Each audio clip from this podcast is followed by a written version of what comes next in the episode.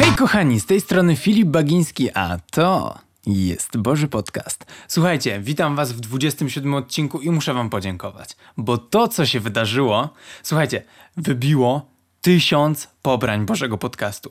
Z całego serca Wam dziękuję, moja cała ekipa też Wam dziękuję, z którą współpracuję. Robimy te rzeczy dla Was i robimy to po to, żebyście mogli mieć coraz łatwiejszą relację z Bogiem. Żeby to było tylko taki pstryczek, tylko kliknięcie i żeby to już mogło lecieć, żebyście już mogli wzrastać. Do tego dążymy, żeby relacja z Bogiem mogła być tak łatwa w cudzysłowiu, jak nigdy wcześniej.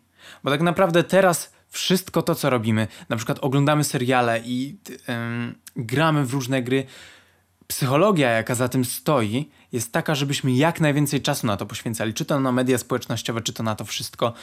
Dlatego ja wyszedłem z tą inicjatywą, żeby powiedzieć: ej, stop.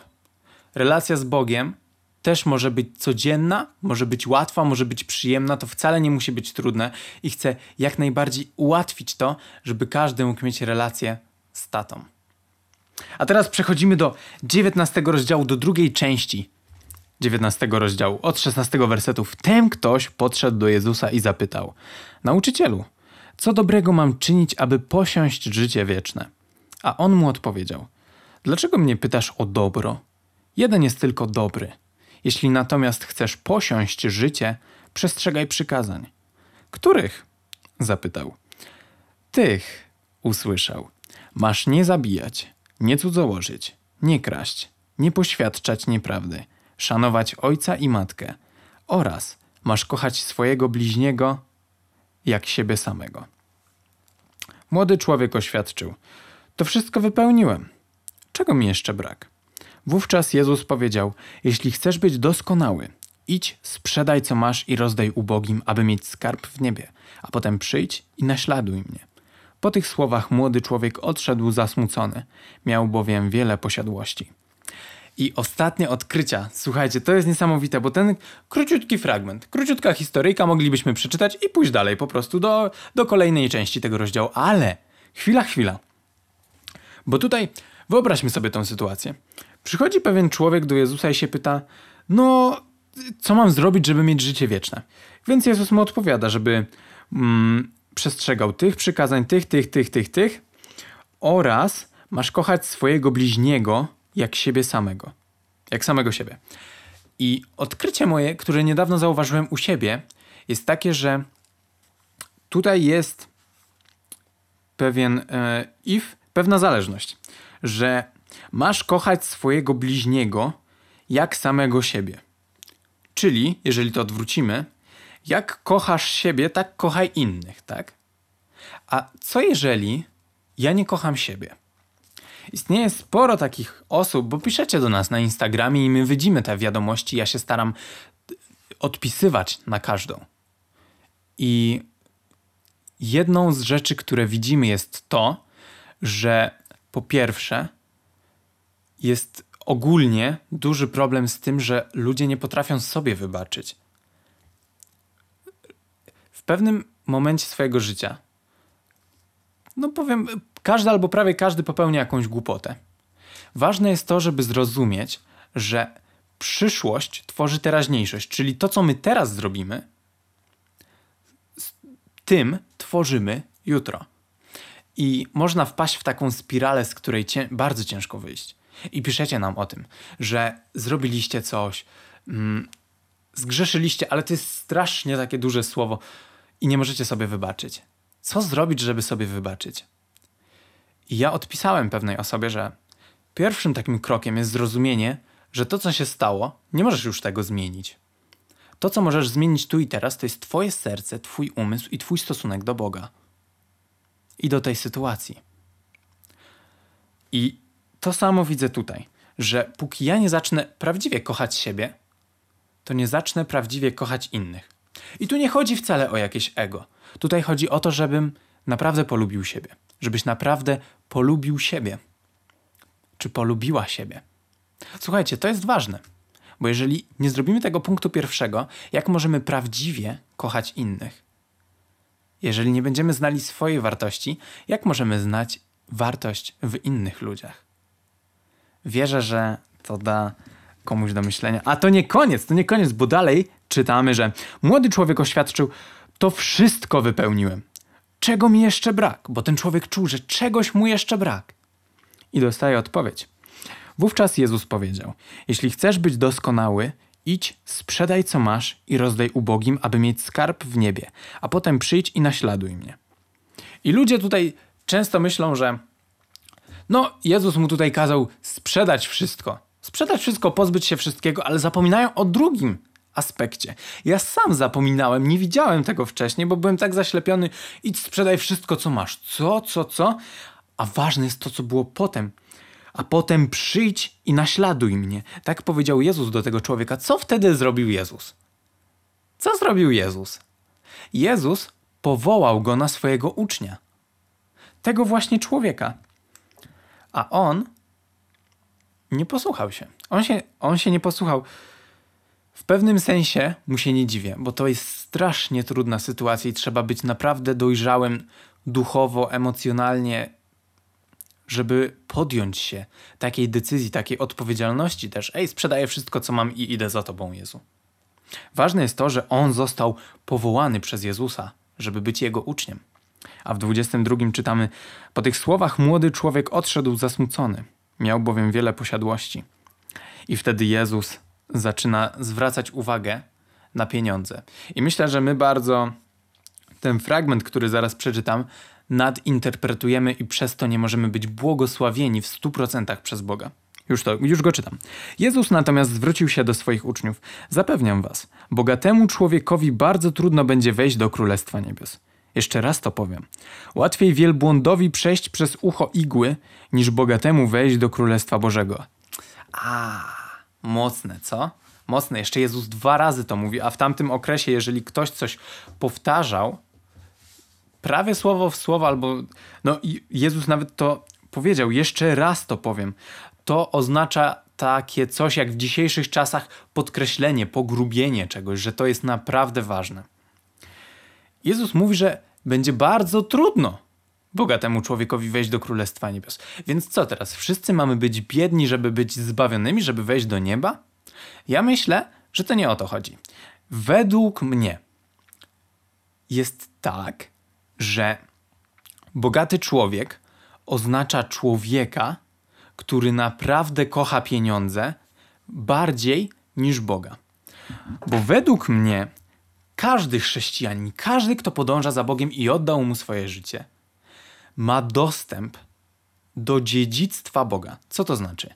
Jeżeli jesteśmy dziedzicami, jeżeli dziedziczymy po Ojcu Jego wszelkie rzeczy, wszelki majestat, naszym Ojcem jest Bóg, tak? Bóg Ojciec, Bóg to dziedzictwo, jakie mamy już teraz, jakie możliwości mamy już teraz, wyobraźcie sobie, przecież jest z nami Bóg, prawdziwy Bóg, ten, który stworzył niebo i ziemię, cały wszechświat, wszystko to, co mnie otacza i wszystko to, kim jestem. Jakie talenty, całą matmę stworzył Bóg, całą fizykę, to wszystko, co jest tak skomplikowane i równocześnie tak proste, stworzył Bóg.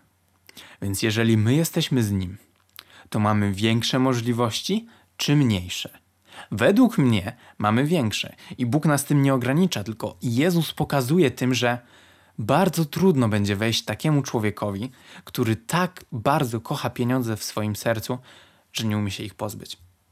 To wtedy będzie bardzo trudne. Myślę, że Jezusowi bardzo chodziło o to, jakie jest nasze serce i jaki jest nasz umysł. Bo przecież też możemy przeczytać w Biblii, gdzie Jezus mówi, że mm, Możesz mówił, nie zabijajcie, a ja wam mówię, żebyście nie myśleli źle o, o sąsiedzie czy o jakimś człowieku. Widzicie, Jezus to wszystko bierze na zupełnie nowy poziom. Już nie tylko patrzy na nas odnośnie czynów, ale odnośnie myśli i uczuć. Szalone, ale prawdziwe. I lecimy dalej, bo w 25 czytamy: Gdy uczniowie to usłyszeli, byli bardzo zdziwieni. Kto w takim razie może być zbawiony? Pytali. No i gdybym ja był na miejscu uczniów, też bym był, byłbym zdziwiony. Co się dzieje? Ej, Jezu! Jezu! O co chodzi? Nie za daleko brniesz? No Jezus im mówi. Znaczy, bo oni się pytają, kto w takim razie może być zbawiony? Pytali. Jezus spojrzał na nich i powiedział: Po ludzku rozumując, jest to niemożliwe. No i to jest prawda, bo kiedy spróbujemy sobie wyobrazić, że łatwiej wielbłądowi przejść przez ucho igły niż bogatemu wejść do Królestwa Bożego, no wielbłądowi trochę trudno przejść przez takie malutkie ucho igielne. I Jezus mówi, że po ludzku rozumując jest to niemożliwe, ale z Bogiem możliwe jest wszystko. Wierzę, że musimy się uczepić tego, że z Bogiem możliwe jest wszystko, bo naprawdę widzę to w wielu osobach i także w sobie. Ja dopiero niedawno się wyleczyłem z tego myślenia, że pieniądze są złe. Pieniądze mogą być bardzo dobre, jeżeli są wykorzystywane w odpowiednim celu i nie mamy do nich takiego stosunku, że to jest takie moje, którego muszę pilnować i tylko to się liczy w moim życiu no to wtedy kogo kochamy bardziej, Boga czy pieniądze? Ja myślę, że Bóg chce nam błogosławić. Przecież całe niebo, czytałem o niebie i wierzę, że wy też słyszeliście, że ulice ze złota, bramy ze złota, tam będzie przepych, przepych wszystkiego, co najlepsze. Przecież to jest święty Bóg. Święty Bóg.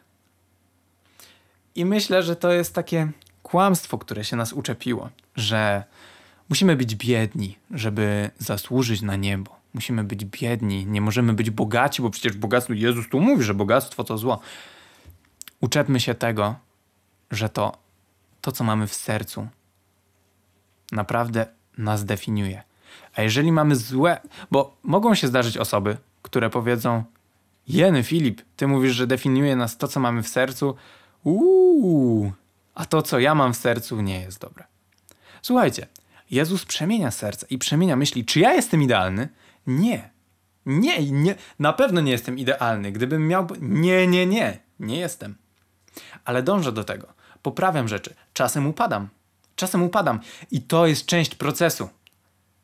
To trzeba przyjąć do siebie, że czasem upadniemy, czasem się potkniemy, ale ważne jest to, żeby wstać i iść dalej. Powiedzieć: Boże, tato, no naprawdę starałem się, ale tu upadłem, tu jestem za słaby. I ważna jest ta część. Boże, proszę Ciebie, żebyś nauczył mnie, jak być mocniejszym w tym temacie, w tym konkretnym temacie. Wierzę, że tak osiągniemy jako chrześcijanie bardzo dużo rzeczy i Bóg zacznie nam błogosławić, bo my nie będziemy mieć jakiejś dziwnej bariery, że nagle zaczynamy dostawać więcej pieniędzy, to o, o mm, mm, już za dużo. No, no, no, no, no, no, nieładnie, to nie w tę stronę myślę, że Bóg będzie nam mógł błogosławić dużo, dużo, dużo bardziej niż robi to teraz.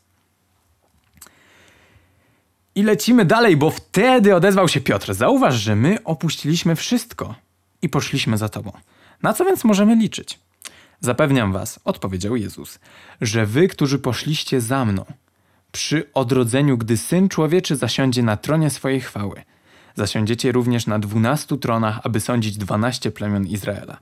Każdy też, kto ze względu na moje imię opuści domy lub braci, lub siostry, lub ojca, lub matkę, lub dzieci, lub rolę, posiądzie stokrotnie więcej i odziedziczy życie wieczne. Wielu zaś pierwszych będzie ostatnimi, a ostatnich pierwszymi. Tutaj Jezus pokazuje nam, co będzie kiedyś. Jakie będą konsekwencje naszych czynów, jeżeli postanowimy pójść za nim, i nawet tutaj może być nieprzyjemnie. Może być nieprzyjemnie to Jezus mówi, że jak już będziemy tam, to to będzie stokrotnie więcej tego warte. To jest piękne i to mnie, i to mnie umacnia. W to wierzę. I to jest piękne, że Jezus mówi: Ej, mogą. Jezus nie mówi, że będzie wszystko kolorowo, że wszystko nagle, wszystkie problemy znikną. Jezus tak nie mówi. Jezus mówi, że Bóg jest wszechmogący i że przez Boga możliwe jest wszystko ale że mogą się zdarzyć rzeczy, które nas zasmucą, które będą nawet trudne albo i bardzo trudne. Ale tak jak w, w 29 czytamy, że posiądzie stokrotnie więcej i odziedziczy życie wieczne. To jest piękne. To jest piękne. To jest piękna obietnica, którą ja biorę do swojego serca. I słuchajcie, pomódlmy się na koniec, żeby Bóg działał w naszych sercach i umysłach. Panie Boże, ja proszę Ciebie, żebyśmy przez Twój obraz, przez poznawanie Ciebie, przez poznawanie Twojego serca, Twoich myśli, mogli zmieniać swoje serce i swoje myśli. Dziękuję Ci, że Ty chcesz nam błogosławić, że Ty naprawdę chcesz błogosławić swoim dzieciom. Dziękuję Ci za to, że Ty jesteś prawdziwie kochającym Ojcem, który kocha mnie i kocha nas wszystkich. Taką miłością, której my nawet nie możemy sobie wyobrazić. Czasem możemy poczuć jej ułamek i ja już wtedy płaczę z tego powodu, bo Twoja miłość jest tak dobra i tak wielka. Dziękuję Ci za to i proszę Ciebie, Boże, żebyś Ty nasze wszystkie myśli zamieniał na te dobre, żebyś wszelkie emocje zamieniał na te najlepsze na świecie i najprawdziwsze, żeby one były coraz świętsze, żeby był święty taki, jak Ty jesteś, Boże, bo my chcemy być coraz bardziej podobni do Ciebie, być stworzonymi na Twój obraz. Dziękuję Ci za to. Amen. Dziękuję, że byłeś ze mną, że byliście z nami. Naprawdę, huh, mocny, mocny odcinek, aż mnie, aż mnie tutaj to wszystko zmienia. I myślę, że to jest dobre. Wierzę w to całym sercem. Nie przedłużając, kochani, trzymajcie się i niech dobry Bóg Wam prawdziwie i hojnie błogosławi. Amen.